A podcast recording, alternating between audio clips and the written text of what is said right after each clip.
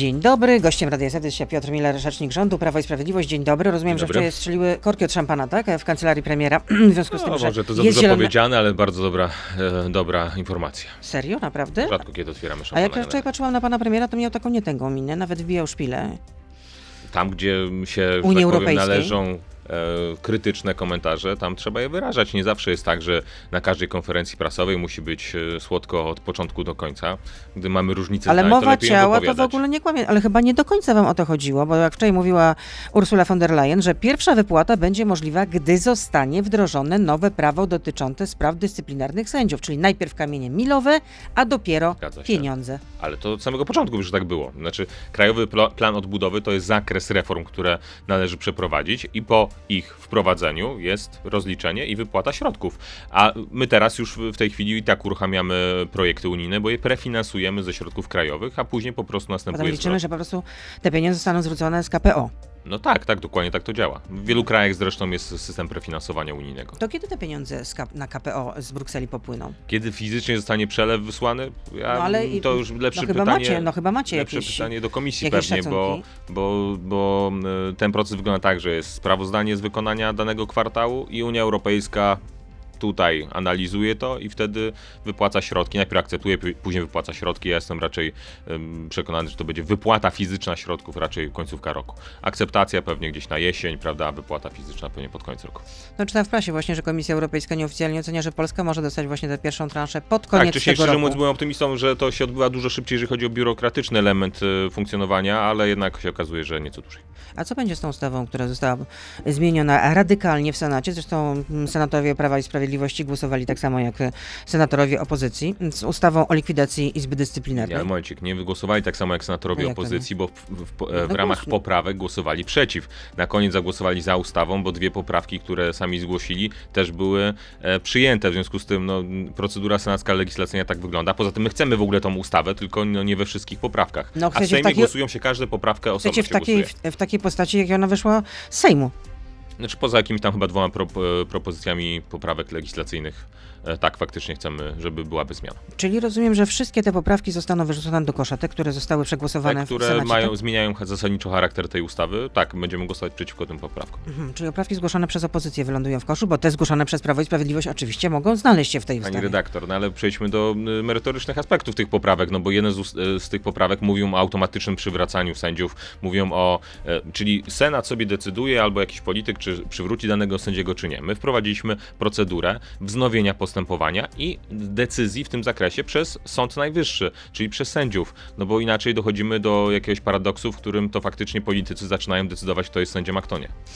No, w, w Krajowym Planie Odbudowy znalazły się różne niespodzianki, o których my Polacy po prostu nie wiedzieliśmy, co tam wy negocjowaliście z Komisją Europejską. No i okazuje się, że umowy cywilnoprawne będą objęte składką e, na zdrowie. Pani redaktor, tam jest kilka różnych propozycji, właściwie 116 różnego rodzaju reform w, w Krajowym Planie Odbudowy, na to Ale jest tam jest finansowanie termin, ale tam jest, ale tam jest termin powiem, No to określony. Najpóźniej do marca 2023 roku. Pracodawcy spodziewają się, oczekują, że jednak ten termin zostanie przesunięty To jest- na początek Po 2024. pierwsze zacznijmy od tego, że zawsze istotne są szczegóły tych reform, bo kierunkowa decyzja o danym aspekcie to jest jedna rzecz, ale już na przykład skala składki zdrowotnej, czy e, sposób dochodzenia do, e, do likwidacji umów śmieciowych, to może, być, to może być rozłożone na lata. Natomiast reforma w danym momencie musi być przyjęta albo przesunięta w czasie, jeżeli wynegocjujemy to z Komisją Europejską. Ale A, chciałbym jasno jest, powiedzieć, Czyli to jeszcze można negocjować, tak? Rozumiem? Przesunięcie zakres, terminu. zakres jest najważniejszy. To tutaj podkreślę. Nie ma decyzji o e, e, takim masowym uskładkowieniu wszystkich e, umów zlecenia, czy a umów dzieło to w ogóle inna kwestia, tego w ogóle nie ma, ale umów zlecenia e, równoległą, e, analogiczną składką zdrowotną, jak jest przy umowach o pracę w tej chwili. Chcemy stopniowo, tak jak było to kiedyś powiedziane, likwidować umowy śmieciowe, tak aby doprowadzać do ucywilizowania stosunku pracy. Natomiast e, oczywiście musi to być robione w takim tempie, które nie powoduje w trudnej sytuacji gospodarczej, jakiej jesteśmy, dodatkowych ciężarów, e, które mogłyby e, negatywnie wpłynąć na rozwój gospodarczy. No jeszcze jedna, no jeszcze jedna kolejna, jedna z wielu oczywiście niespodzianek, które nas czekają. Czekają, że do czwartego kwartału 2024 roku ma zostać wprowadzona wyższa opłata rejestracyjna na samochody spalinowe. Tylko pani, pani redaktor, wyższa od czego? I tu jest właśnie dlatego te niuanse są ważne. My chcemy wprowadzić niższą kwotę dla e, samochodów elektrycznych, niskoemisyjnych, a siłą rzeczy wtedy ta opłata za pojazdy, e, która jest, e, która e, będzie porównywalna do samochodów elektrycznych, będzie wyższa, no ale to nie znaczy, że musi być wyższa niż teraz. E, I dlatego w ten sposób chcemy to zrobić, czyli przez pryzmat e, zachęt do zakupowania samochodów, które są niskoemisyjne. No, ale mieliśmy produkować milion samochodów. No to gdzie te samochody elektryczne? Gdzie to kupować? Pani redaktor, no oczywiście wszystko można e, bagatelizować, natomiast nie wszystko też była- wychodzi. Ale to była jednak propozycja, obietnica złożona przez pana premiera Morawieckiego osobiście. Nie wydaje mi się, że przez pana premiera osobiście, ale okej, e, zacznijmy od tego, że nie wszystkie programy rządowe oczywiście zawsze są realizowane w 100%, a jeżeli chodzi o samochody elektryczne, to była perspektywa wieloletnia, a nie perspektywa na dwa lata, tak jak niektórzy już tutaj próbują to rozliczać.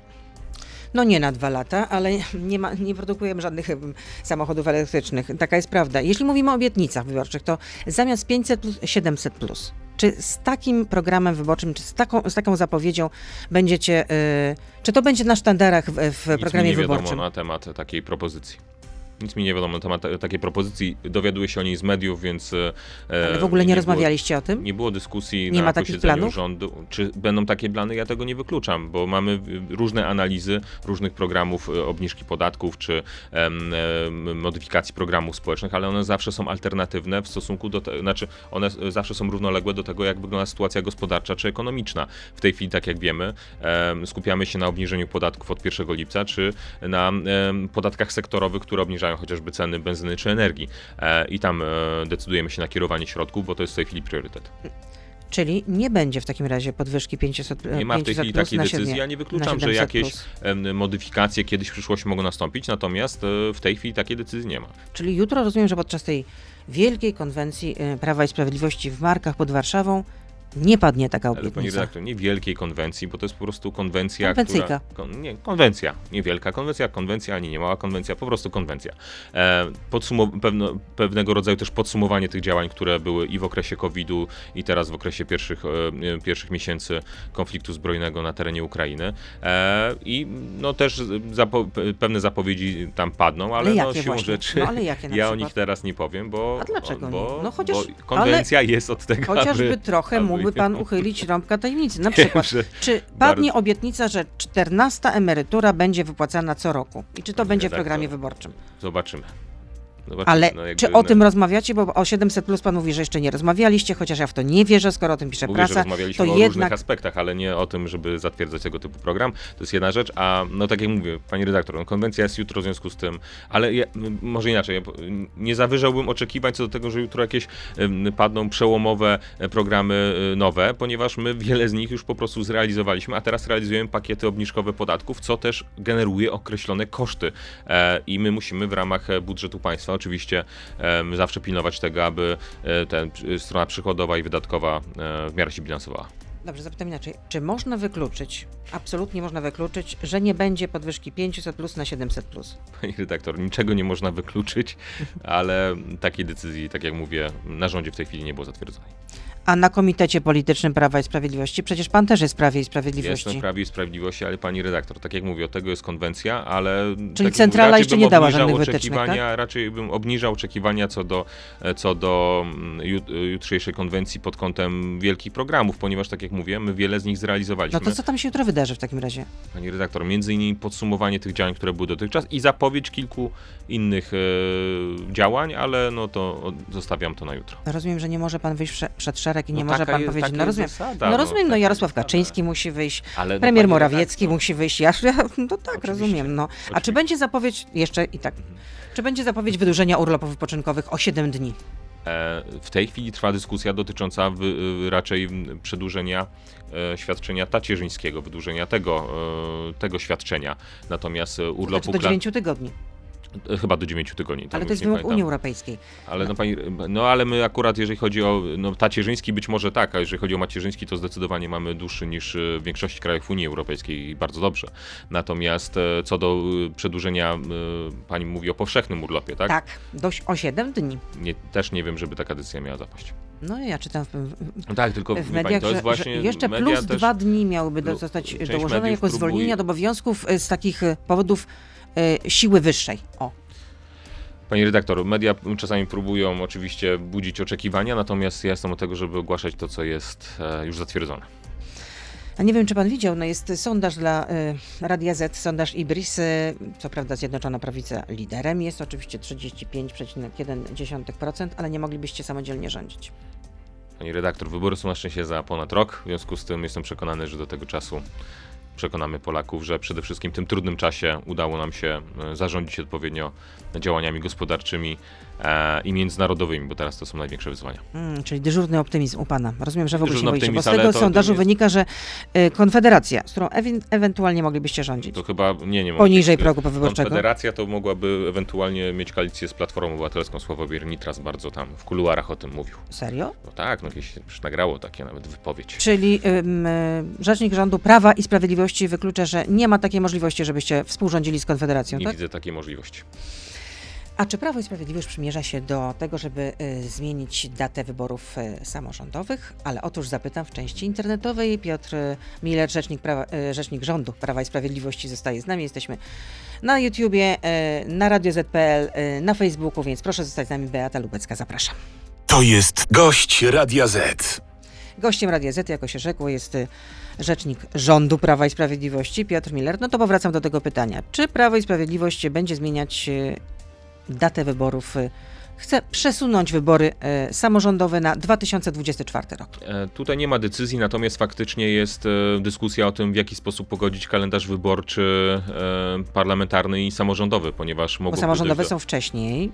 Znaczy, to jest problem jest taki, że kampanie wyborcze... na przełomie y, września i października, a potem są dopiero parlamentarne. Znaczy to zależy, którym zostanie termin ogłoszony przez marszałka Sejmu i prezydenta, bo No, te no, terminy tam że- częściowo nachodzą na siebie. Zakładam, że jednak marszałek Sejmu by się porozumiała z, z, z Jarosławem Ale Kaczyńskim. o czymś innym chcę powiedzieć, o tym, że w tym samym czasie trwały dwie kampanie wyborcze, co jest dosyć problematyczne, jeżeli chodzi o rozliczanie komitetów wyborczych, E, bo tak jak pani wie, wydatki wyborcze w czasie kampanii są limitowane i wpłaty na komitety wyborcze powodują, że m, można określoną kwotę wydać, trzeba znać odpowiednie materiały wyborcze i wtedy jest pytanie, jeżeli na przykład ktoś kandyduje na radnego i na posła jednocześnie, to z którego limitu wyborczego ma mu- być to policzone? Czy ktoś może mu stworzyć zarzut, że na przykład łamie kodeks wyborczy w zakresie limitów e, na kampanię wyborczą i tak dalej, i tak dalej. Niestety takiej sytuacji nie było w tej chwili do tej pory.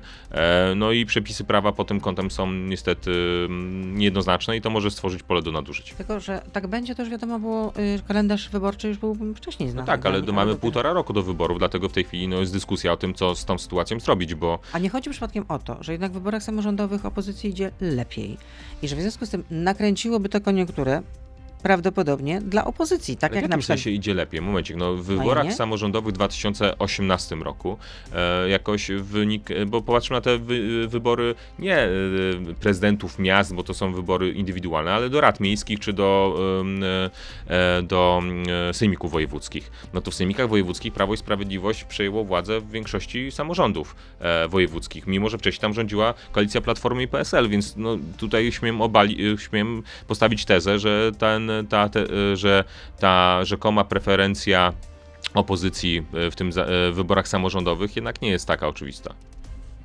Czyli to niby nie, nie chodzi o to, że nie chcecie sprzyjać opozycji, że chcecie im A zaszkodzić, nawet- a pomóc nie, sobie nie, generalnie. momencik, nie, no ale a w jakim redaktor, terminie popatrzmy, miałyby się ob- odbyć te wybory samorządowe w 2024 ale roku? tak jak mówię, nie ma żadnej decyzji w tej chwili o przesunięciu tego, więc y, to ja jest nie mówię, debata na decyzja, razie. ale tym rozmawiacie, rozumiem, w, w, swoim środowisku ale to, politycznym. to możliwe są tylko dwa terminy pewnie, albo przesunięcie o rok, albo przesunięcie o kilka miesięcy na wiosnę, tak? No bo A jakby, potem jeszcze wybory są do Europarlamentu.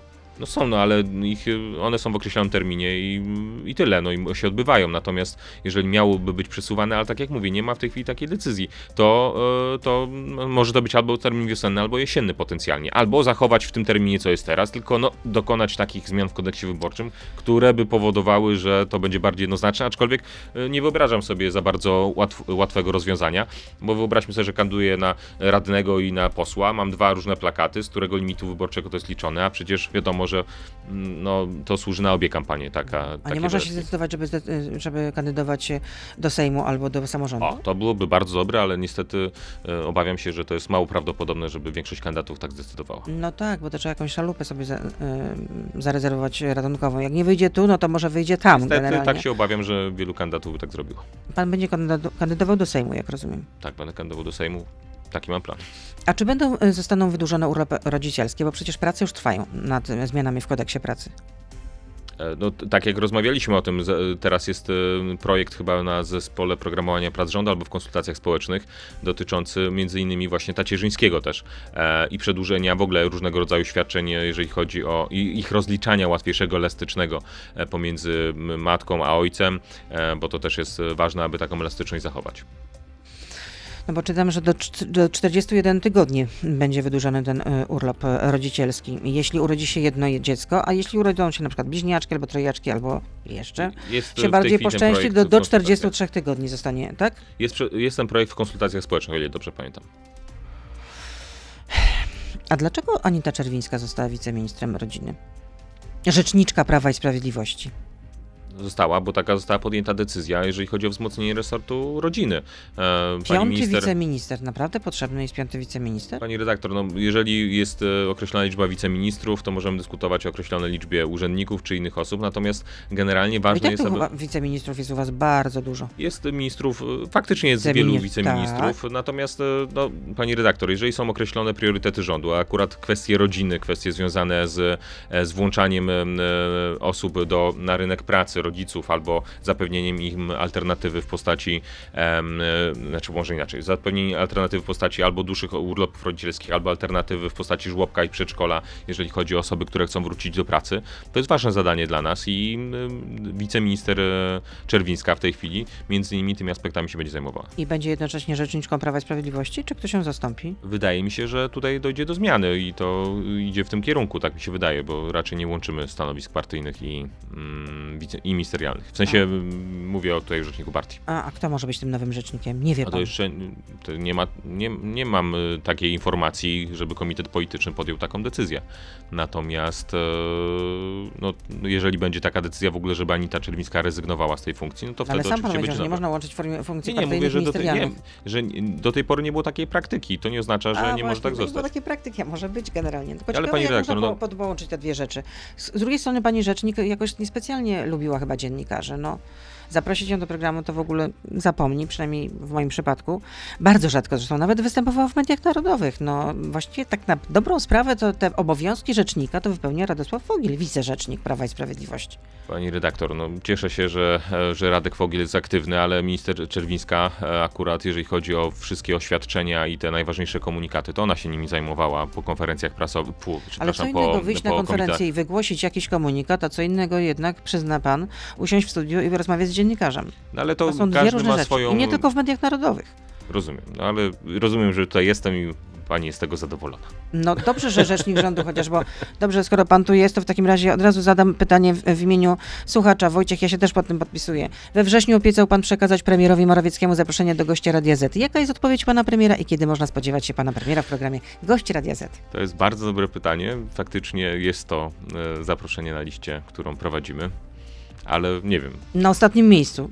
Nie, nie, ostatnie miejsce to Na zarezerwowane jest dla kilku innych redakcji. No to w takim razie, czy, czy jeszcze w czerwcu dostąpimy tego zaszczytu, że pan premier do nas się pofatyguje? Pani redaktor, tego nie wiem, ale myślę, że w najbliższych miesiącach będzie to możliwe. W najbliższych miesiącach, w tygodniach. Czyli to ja teraz będę w takim razie codziennie do pana już dzwoniła mm, i będę się przypominać, czy rzeczywiście pan premier będzie y, uprzejmy się do nas pofatygować. Jeszcze powrócę do, y, do tego rzecznikowania. A czy było tak, że czy pani Anita Czerwińska była dobrym rzecznikiem? Jest dobrym rzecznikiem Prawa i Sprawiedliwości?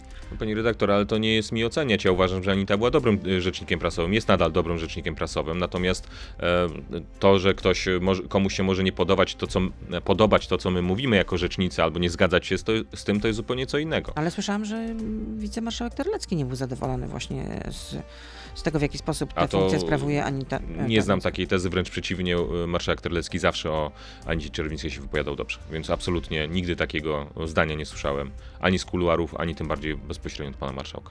A Radosław Fogiel nie zabierał pracy y, pani Anicie Czerwińskiej, w związku z tym właśnie, że jest taki aktywny w mediach, że jednak nie odmawia, przyjmuje Akurat, zaproszenia. tak jak pani wie, pracy w mediach jest i akurat w, jeżeli chodzi o funkcję rzecznika tyle, że można byłoby co najmniej na 10 osób obłożyć. Ale rozumiem, że jeżeli przed chodzi o wyborami potrzebny jest jakiś mocny zawodnik albo zawodniczka. Pani redaktor, ale no nie, nie wiem co, ku czemu pani dąży, że tak powiem, ale e, do wyborów już jest półtora roku, to jest pierwsza rzecz. A druga rzecz, że funkcje w rządzie i funkcje, wyborów, funkcje w partii się zmieniają. konwencja o tym świadczy, że następuje Znaczy- mobilizacja, nastąpiła reorganizacja, słyszę, jeśli chodzi o, e, Ja za każdym razem słyszę, podział na okręgi. To rozumiem. No i właśnie to, to między innymi powoduje, że chociażby wiceministrowie i ministrowie nie są szefami okręgów, tak? I w związku z tym to oznacza, że ktoś sobie z tym nie radził, czy po prostu, że e, próbujemy przeorganizować partię w sposób bardziej efektywny. No to jest to drugie. Nie, nie oznacza to indywidualnego, indywidualnej krytyki szefa, szefów okręgów wszystkich, tylko po prostu przebudowanie e, funkcjonowania partii. A czy od lipca emeryci i renciści nie dostaną emerytur i rent? Nie dostaną emerytur, a Nie zostaną nie? wypłacone. A dlaczego niby? No bo szykuje się y, strajk y, w, w ZUS-ie. Zapewne pan słyszał, słyszał, że 27 czerwca rozpocznie się bezterminowy strajk generalny w Zakładzie Ubezpieczeń Społecznych i obejmie A cały kto kraj. to ogłosił? Zarząd Związku Zawodowego e, Związkowa Alternatywa. Pani, ile członków związku ma ten związek? 160 osób, a cały ZUS ma 40 tysięcy pracowników, więc liczę, że sobie jednak poradzimy. Że tylko będą strajkować ci z alternatywy, rozumiem, tak? Tak zakładam, znaczy zakładam, że ten spór da się rozwiązać, bo, e, bo oczywiście e, w każdym... Przewodniczący tego z, e, związku w rozmowie z Radiem Z mówił, że właśnie w wyniku strajku może zostać wstrzymana wypłata emerytur, rent, tych świadczeń. W większości przypadków e, te świadczenia, zarówno jak i program 500 Plus są w dużej mierze zautomatyzowane, jeżeli chodzi o systemy informatyczne, e, więc tutaj nie widzę obaw w tym zakresie. Znaczy osoby, które by nawet strajkowały, to e, są w stanie zastąpić inne osoby, ich e, liczę na odpowiedzialność tutaj, ale oczywiście równolegle do tego pani prezes ZUS-u prowadzi rozmowy z pracownikami co do e, pewnych rozwiązań płacowych, natomiast e, nie wydaje mi się, żeby groził nam strajk w tym zakresie, a tym bardziej jestem przekonany, że w żaden sposób nie grozi wypłata rent emerytur czy programu 500+, bo ZUS też obsługuje teraz ten program. A czy jest tak źle, że musimy zbierać chrust? Pani redaktor, ja widzę, że ta wypowiedź pana ministra e, została jakoś tak w, Edward Siarka, dziwny wiceminister sposób... e, klimatu, powiedział, że cały czas obowiązuje możliwość zbierania gałęzi na opał. No jak ludzie patrzą, ile, ile kosztuje węgiel aktualnie na grzewanie, ile kosztuje ekogroszek, który po prostu podrożał w sposób nieprawdopodobny. Zgadza się.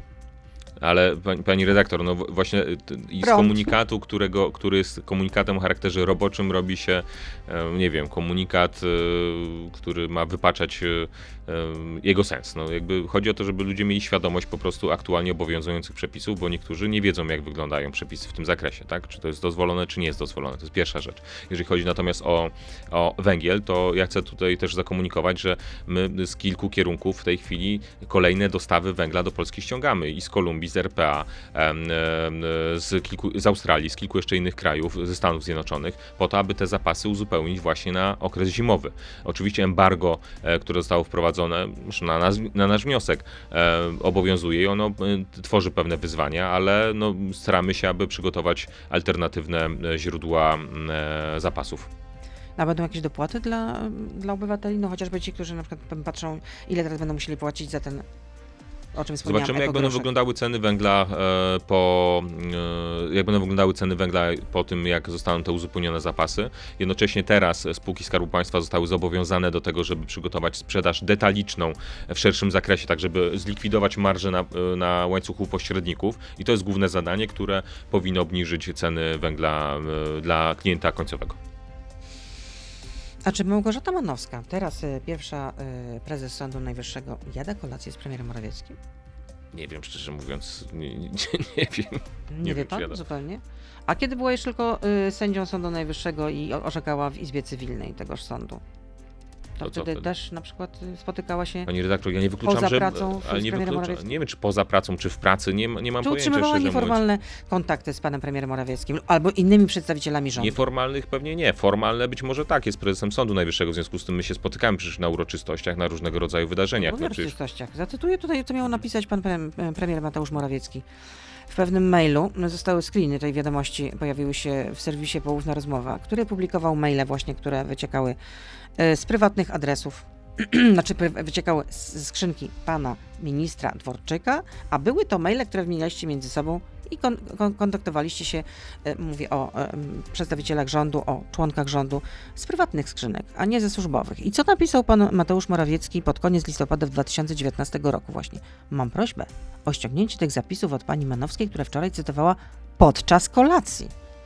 Pani redaktor, ja mam taką zasadę, że nie komentuję tych kwestii związanych z mailami, ponieważ one zostały zrealizowane i to jest potwierdzone już przez polskie służby i przez e, raporty amerykańskich podmiotów. Zostały zrealizowane te, ten atak hakerski na zlecenie Rosji, prosto z Kremla.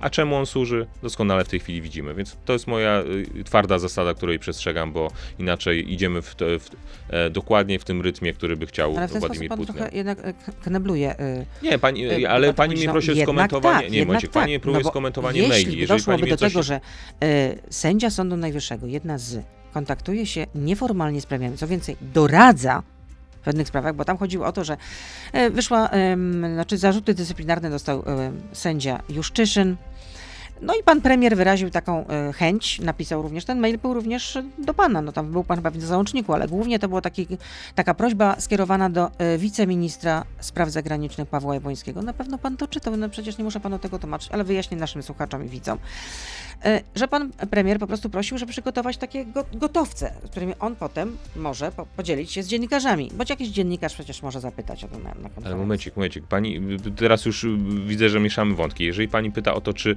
powstają briefy prasowe, na przykład jak ja przychodzę do pani, czy poproszę ministra Jabłońskiego, czy ministra Kaletę, czy jakiegokolwiek innego brief prasowy dotyczący bieżących prac legislacyjnych, to zawsze ich Ja o wiem, proszę. co innego brief, ale również, ja mówię, że w ogóle ta cała sytuacja, bo ona jest piętrowa generalnie. Z jednej strony pan premier prosił właśnie o takie komunikaty, które oczywiście y, miałyby zawierać taki przekaz, że rząd będzie walczył z anarchią w sądownictwie.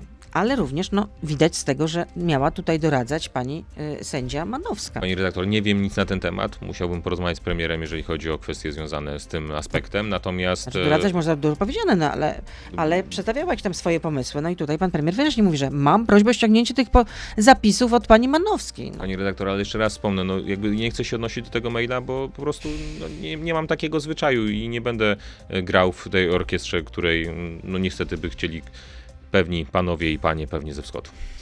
Jeszcze dodam, że w maju dostęp do strony Poufna Rozmowa został zablokowany przez ABW y, na podstawie prawa telekomunikacyjnego. Cenzura. Pani redaktor, no świetnie, można sobie e, bagatelizować sytuację, w której Rosjanie, Rosjanie, wywiad rosyjski realizuje atak hakerski na polski rząd, e, i e, podobnie jak w innych krajach. I jakoś e, w innych krajach dokładnie jest tak, że e, służby działają w taki sposób, żeby nie doprowadzać do eskalacji między innymi działań dezinformacyjnych czy manipulacyjnych. I w związku z tym ja oczekuję od polskich służb, że właśnie w taki sposób się zachowają. Pani jakoś do tego maila ma dostęp rzekomego, tak? E, I możemy o tym... Screeny wiadomości pani- tym razem zostały tam upublicznione. Nie wiem, no nieważne. Jakby oczekuję od polskich służb, i, że będą postępowały w taki sposób, jak postępują służby innych państw, czyli będą działały ofensywnie również, w, znaczy defensywnie w tym wypadku, jeżeli chodzi o działania hakerskie ze strony Rosji i tyle. Robert pyta, inflacja rośnie, ceny idą w górę, 14 w sierpniu. Czy zatem pod koniec roku będzie waloryzacja lub 15 emerytura? Nie ma planów 15 emerytury, to jest pierwsza rzecz, a druga, że waloryzacja świadczeń emerytalnych jest regularnie raz do roku i ona jest liczona na podstawie e, takiego wzoru, który ma inflację w sobie, plus jeszcze kilka innych aspektów, no i później jest decyzja o tym, czy to ponosić ponad to, co wychodzi z algorytmu. I taka y, waloryzacja była w marcu tego roku, dosyć duża, i na początku roku również przez obniżenie y, podatków, bo pamiętajmy o tym, że kwota wolna wynosi do 2,5 tysiąca złotych i to spowodowało, że przytłaczająca większość emerytów miała wzrost kilkuprocentowy świadczeń emerytalnych, plus kilkuprocentowy wzrost w marcu, więc e, to daje e, no, największy wzrost netto od wielu lat. A czy są również e, plany na przykład podwyższenia pensji minimalnej jeszcze w najbliższym czasie? W sensie w tym roku czy w przyszłym roku? W tym roku nie ma W takich... 2023. W 2023 oczywiście, że płaca minimalna będzie podwyższona, bo Dwa co razy, roku tak? jest, czy dwa razy to zobaczymy. E, natomiast jak będzie wyglądała sytuacja inflacyjna, bo to też przepisy, pewne, e, pewne przepisy też to regulują. Natomiast generalnie, no oczywiście raz do roku jest e, tworzona, e, jest przyjmowany przepis dotyczący płacy minimalnej. Siłą rzeczy ona ze względu na to, że w tej chwili mamy taką sytuację inflacyjną, będzie na pewno wyższa niż w tym roku. Kolejne pytanie od słuchacza. Premier Mora- Morawiecki zauważył, że Norwegia mogłaby się podzielić nadmiarowymi zyskami, które czerpie z handlem na przykład gazem. Orlen zarobił 11 miliardów, PGE 4 miliardy, KGHM 5 miliardów. Czy te kosmiczne zyski pozwoliłyby wypłacić 14 każdej pracującej w Polsce osobie? Czy narodowi czempioni się w związku z tym podzielą? To zacznijmy od tego, że w samej Norwegii jest teraz gigantyczna dyskusja o tym, w jaki sposób Norwegia powinna się zachować ze względu na to, jak wyglądają ceny e, na rynku hurtowym, e, globalnym właściwie, e, cen gazu i ropy. To nie jest tylko dyskusja, którą ponosi pan premier Morawiecki.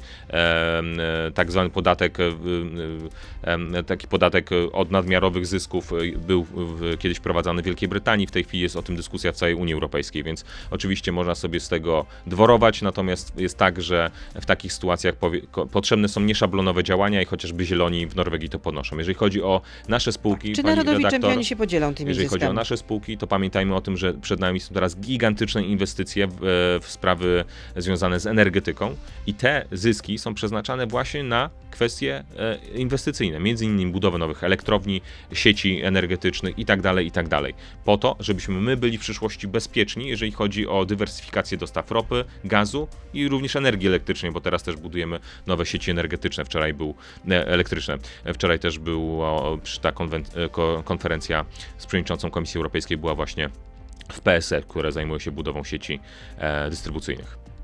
Ja tak zastanawiam się, no pan mówi, że nie będzie y, tych, y, no na razie o tym nie rozmawiacie rzekomo, żeby była ta zmiana 500 plus na 700 plus, no ale jest obniżka popa- podatków, no będzie 14 emerytura i jak jeszcze wydłużycie e, urlopy y, wypoczynkowe, to jak my będziemy, jak, no, jak my na to wszystko zapracujemy, my podatnicy? Pani redaktor, ale pani mówi o rzeczach, które przede wszystkim jeszcze nie są przyjęte. Ale pani o będą. spekulacjach mówi. No nie, momencie, o, o, o czym pani teraz mówi? O podwyższonym 500 plus czy o czym? No, ja bo myślę, nie... że jednak, Aha. co, intuicja mi podpowiada, że Pani jednak, redaktor, no to że będzie mm, Kilka, y, podwyżka kilka tego liczb. 500 W plus. 2015 roku budżet państwa sięgał niecałe tam 300 miliardów złotych po stronie Teraz ma być dochodowej. 500, tak? Ta- A teraz jest blisko, no około 500. E, więc to pokazuje w jaki sposób też jednak zmieniła się trochę struktura budżetu państwa przez te lata. Między innymi ze względu na uszczelnienie podatku VAT, e, innych podatków, ale również ze względu na rozwój ale gospodarczy. deficyt też mamy po- potężny, czy nie? Deficyt budżetu państwa, no, no nie, 30 miliardów złotych w tej chwili. Około 300 miliardów złotych, ile dobrze pamiętam. To Deficyt nie jest dużo? na tle tego, co było w poprzednich latach, to nie jest wysoka kwota w stosunku do procenta e, udziału w budżecie państwa. Więc no, to jest, mieści się w kryteriach konwergencji, więc no to oczywiście pani może, e, możemy zastanawiać się nad kwestią e, zadłużenia publicznego, ale znowu ono jest i tak wielokrotnie mniejsze niż na przykład nie, wiem, w Grecji, we Francji, w Ale my Hiszpanii. ciągle się porównujemy z... No, ale no pani redaktor, no To tak tutaj samo jak często... pan minister Sasin powiedział, no dobrze, no u nas jest najtańsze paliwo, tylko nie wspomniał generalnie, że y, taki e, na redaktor, przykład no, nasz sąsiad z Niemiec zarabia jednak zdecydowanie więcej niż, wy, redaktor, niż jak wynosi średnia pensja Polki czy Polaka. Ale jak mówimy o wskaźnikach makroekonomicznych, to akurat warto porównywać je między państwami i właśnie w ten sposób trochę obalać mitów, które e, gdzieś są budowane wokół e, polskiej sytuacji finansów publicznych. Zresztą to Polska, jak pani zerknie na raporty Komisji Europejskiej, ma jedne z najlepszych ocen, jeżeli chodzi o stabilność finansów publicznych, więc no, to się nie bierze znikąd, tylko z prowadzonej rzetelnie polityki finansów publicznych przez lata. I dzięki temu też było możliwe dwa lata temu, gdy się rozpoczął COVID, em, uruchomienie tarczy antykryzysowej i finansowej, która de facto spowodowała, że my nie mamy większego bezrobocia po jednym z największych kryzysów y, gospodarczych y, ostatnich lat. Za to mamy No jak to bardzo się dzieje? wysoką inflację. No pani redaktor, no dobrze, ale to y, y, tylko jeszcze przypomnę, że w innych krajach, na przykład w Estonii ma pani 20%, e, w, w, na Litwie wyższą niż w Polsce, w Czechach porównywalną do Polski, w Holandii ciut niższą niż w Polsce. W związku z tym, co się w, tam, w takim No. razie w tamtych krajach zadziało? Też y, zły PiS tam jest, czy No coś tylko, innego? że można było jednak y, temu zapobiec, żeby o, aż tak nie wystrzeliła w górę ta A inflacja. w, w Czechach też y, wcześniej y, podwyższono y, Ale co stopy mamy procentowe. równać do, nie, ale do tych, poka- którzy mają gorzej, czy nie, tych, ale pokaz... lepiej? nie, tylko to pokazywać, że gospodarka jest bardziej skomplikowana niż y, A, że jest skomplikowana, to- e, aha, to- niektóre określenia opozycji. E, Konrad pyta, czy premier e, Ma- Mateusz Morawiecki okłamał szefową Komisji Europejskiej, mówiąc, że 90% spraw dyscyplinarnych e, dotyczących sędziów to poważne sprawy kryminalne. Czy ten temat był przedmiotem wczorajszych Poważne, rozmów po pierwsze, z Ursulą von der Leyen? sprawy pospolite, które zostały e, zakończone wyrokami dyscyplinarnymi, No ale, w tym pan, sprawy kryminalne. ale pan premier mówił, że 90% spraw, które się toczą, to są tak. Sprawy o jazdę popijanemu, gwałty. Wiele z tych spraw, tak. No, ale Wie- 90%?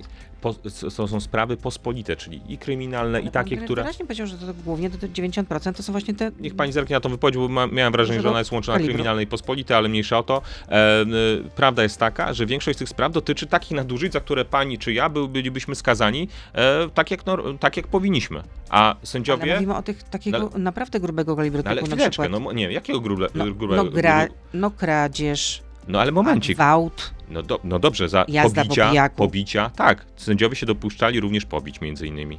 I czy w związku No z tym, a wie pani co proponowała? list otwarty do pana premiera, Nie, momencik. gdzie Wie- sędziowie, którzy, przeciwko którym toczą się sprawy w Izbie Dyscyplinarnej, pisali do pana premiera i prosili o, o sprostowanie tego i też o przeprosiny, bo akurat sprawy, które toczą się przeciwko nim, a tam było ponad widocznie 50 są w osób, pozostałej grupie. W pozostałej grupie. Natomiast nie, wie pani co, bo tu akurat pamiętam taką dyskusję w Komisji no, Europejskiej, s- ale pani redaktor, Sędzia nie, Wróbel, sędzia Sądu Najwyższego, też to prostował w mediach społecznościowych, że takich spraw jest 11%, mówię. ale toczących się postępowań gatunkowe. czy zakończonych, bo to jest różnica. My mówimy o zakończonych postępowaniach. To jest pierwsza rzecz. Druga sprawa, że pani redaktor, naprawdę, ja pamiętam tą dyskusję w Komisji Europejskiej, gdy opozycja próbowała, na siłę zresztą taką poprawkę teraz chyba nawet w Senacie wprowadzili, przywrócić sędziów, którzy zostali skazani przez Izbę Dyscyplinarną, w tym sędziów właśnie, którzy są skazani za, za tego typu działania. Na przykład, nie wiem, jazdę po pijanemu, czy, e, czy po prostu e, przestępstwa pospolite lub naruszenia takie, które by każdy obywatel dostał za to wyrok. I ci sędziowie naprawdę mieli mieć z automatu przywrócone e, prawo, dlatego że e, ktoś miał wyobrażenie, że Izba Dyscyplinarna, e, nie wiem, była powołana w jakiś sposób, który rzekomo jest nie, niezgodny z prawem. No i te osoby mia- według opozycji miałyby być automatycznie przywracane do orzekania. No przecież to jest kuriozalna sytuacja. Piotr pyta, zgodnie z KPO, skoro zgodnie z KPO ograniczymy mobilność Polaków, bo będą wyższe płaty rejestracyjne, nowe podatki, strefy z ograniczeniami ruchu w miastach powyżej 100 tysięcy mieszkańców, to kiedy rozpocznie się produkcja polskich aut elektrycznych? Pani redaktor, przede wszystkim w, już w pytaniu y, jest y, co najmniej kilka manipulacji. To znaczy ograniczymy mobilność e, Polaków. W, w jaki sposób ograniczymy mobilność Polaków? Sensie, że y, No jeśli będziemy na przykład drożej płacić za to, że mamy y, samochód, no to może nie, nie, po prostu... że będziemy taniej płacić za to, że będziemy mieli samochód elektryczny. Zacznijmy od tego. Ale e, najpierw, najpierw musimy je produkować. Ale pani redaktor, ry- rynek samochodów jest tak, chciałbym zauważyć, globalny, ja prawda? wiem, tak, jest globalny, E, tak, Polska, tylko że nie wiem, była czy pani obietnica, że wie, my że też, jest że my też doszlusujemy właśnie Że, pa, że do tej Polska grupy jest państw. jednym z największych producentów baterii elektrycznych do samochodów, do komponentów właśnie, y, y, y, który, z których się produkuje samochody elektryczne, że produkujemy y, autobusy elektryczne i tak dalej, i tak dalej. Więc to jest jedna rzecz. Druga rzecz, Ale rozumiem, że aut e, elektrycznych osobowych nie będziemy produkować. ale to z tego co wiem akurat jest projekt Izera, w związku z tym e, on jest kontynuowany. No Natomiast, tylko, tylko kiedy, to, się- kiedy, w takim razie, kiedy się rozpocznie produkcja? No, nawiązuję do tego pytania. Ale pani redaktor, no wróćmy do, wróćmy do kwestii mobilności, bo tam było kilka takich rzeczy, które chciałbym z chęcią wyjaśnić, bo po kolei jakieś tam były zarzuty. Wyższa opłata rejestracyjna, to już Czyli tak, rozmawialiśmy już w części radiowej, tak. tak. Nowe podatki, e, strefy z ograniczeniami ruchu w miastach powyżej 100 tysięcy mieszkańców. Ale pani redaktor, no, czyli mówimy o mo możliwości, ustawowej możliwości ograniczenia ruchu. Jeżeli samorząd sobie zażyczy em, em, decyzji w tym zakresie, to proszę bardzo, prowadzi politykę, ale musi mieć ustawową możliwość. Zresztą już częściowo w tej chwili ma. E, I tak się dzieje w wielu dużych miastach na świecie. I Sebastian pyta, czy wicepremier Jacek Sasin byłby dobrym kandydatem na prezydenta? Pani redaktor, No, no nie wiem, no jakby tak. my mamy, uważam, że każdy z naszych ministrów generalnie jest przygotowany do pełnienia wielu różnych funkcji. Natomiast o tym, kto będzie kandydatem na prezydenta, e, będzie decydowała Rada Polityczna Prawa i Sprawiedliwości. I tyle. Ja akurat z, z I to jeszcze trochę wody upłynie. no, w 2025 mam- roku Pamiętam, mamy wybory, natomiast ja z premierem Duda Jackiem jakoś został Sasinem, wskazany na kandydata jakoś tak na niewiele. no kilka miesięcy dosłownie przed. No ja nie, no pamiętam, że to był 11 listopada, przecież wybory potem były w Mhm. maju. No, Także jest- bardzo, bardzo y, krótko przed tym wy- No tak. terminem wybo- wyborów No, ale to akurat w w wielu 2015 partiach politycznych tak się dzieje. roku. Ja tylko przypomnę pani, że przecież mm, w 2020 to w ogóle mieliśmy Nastąpiła taką zmiana. zmianę kandydata. No, często to się zmienia, no, ale to, więc powie. można szybko zmieniać kandydata. Że Koalicja Obywatelska wymieniła Nie, no, no, ale to- Kidawę więc Błońską na Rafała Nawet w Trzaskowskiego. trakcie można. No i prawie wygrał. Prawie wygrał, ale prawie robi różnicę. prawie robi różnicę. Piotr Miller, rzecznik rządu z Prawa i Sprawiedliwości, Dziękuję był z nami. bardzo. Dobrego dnia życzę. Wszystkiego dobrego. To był gość Radia Z. Słuchaj codziennie w Radio Z i na player radioz.pl.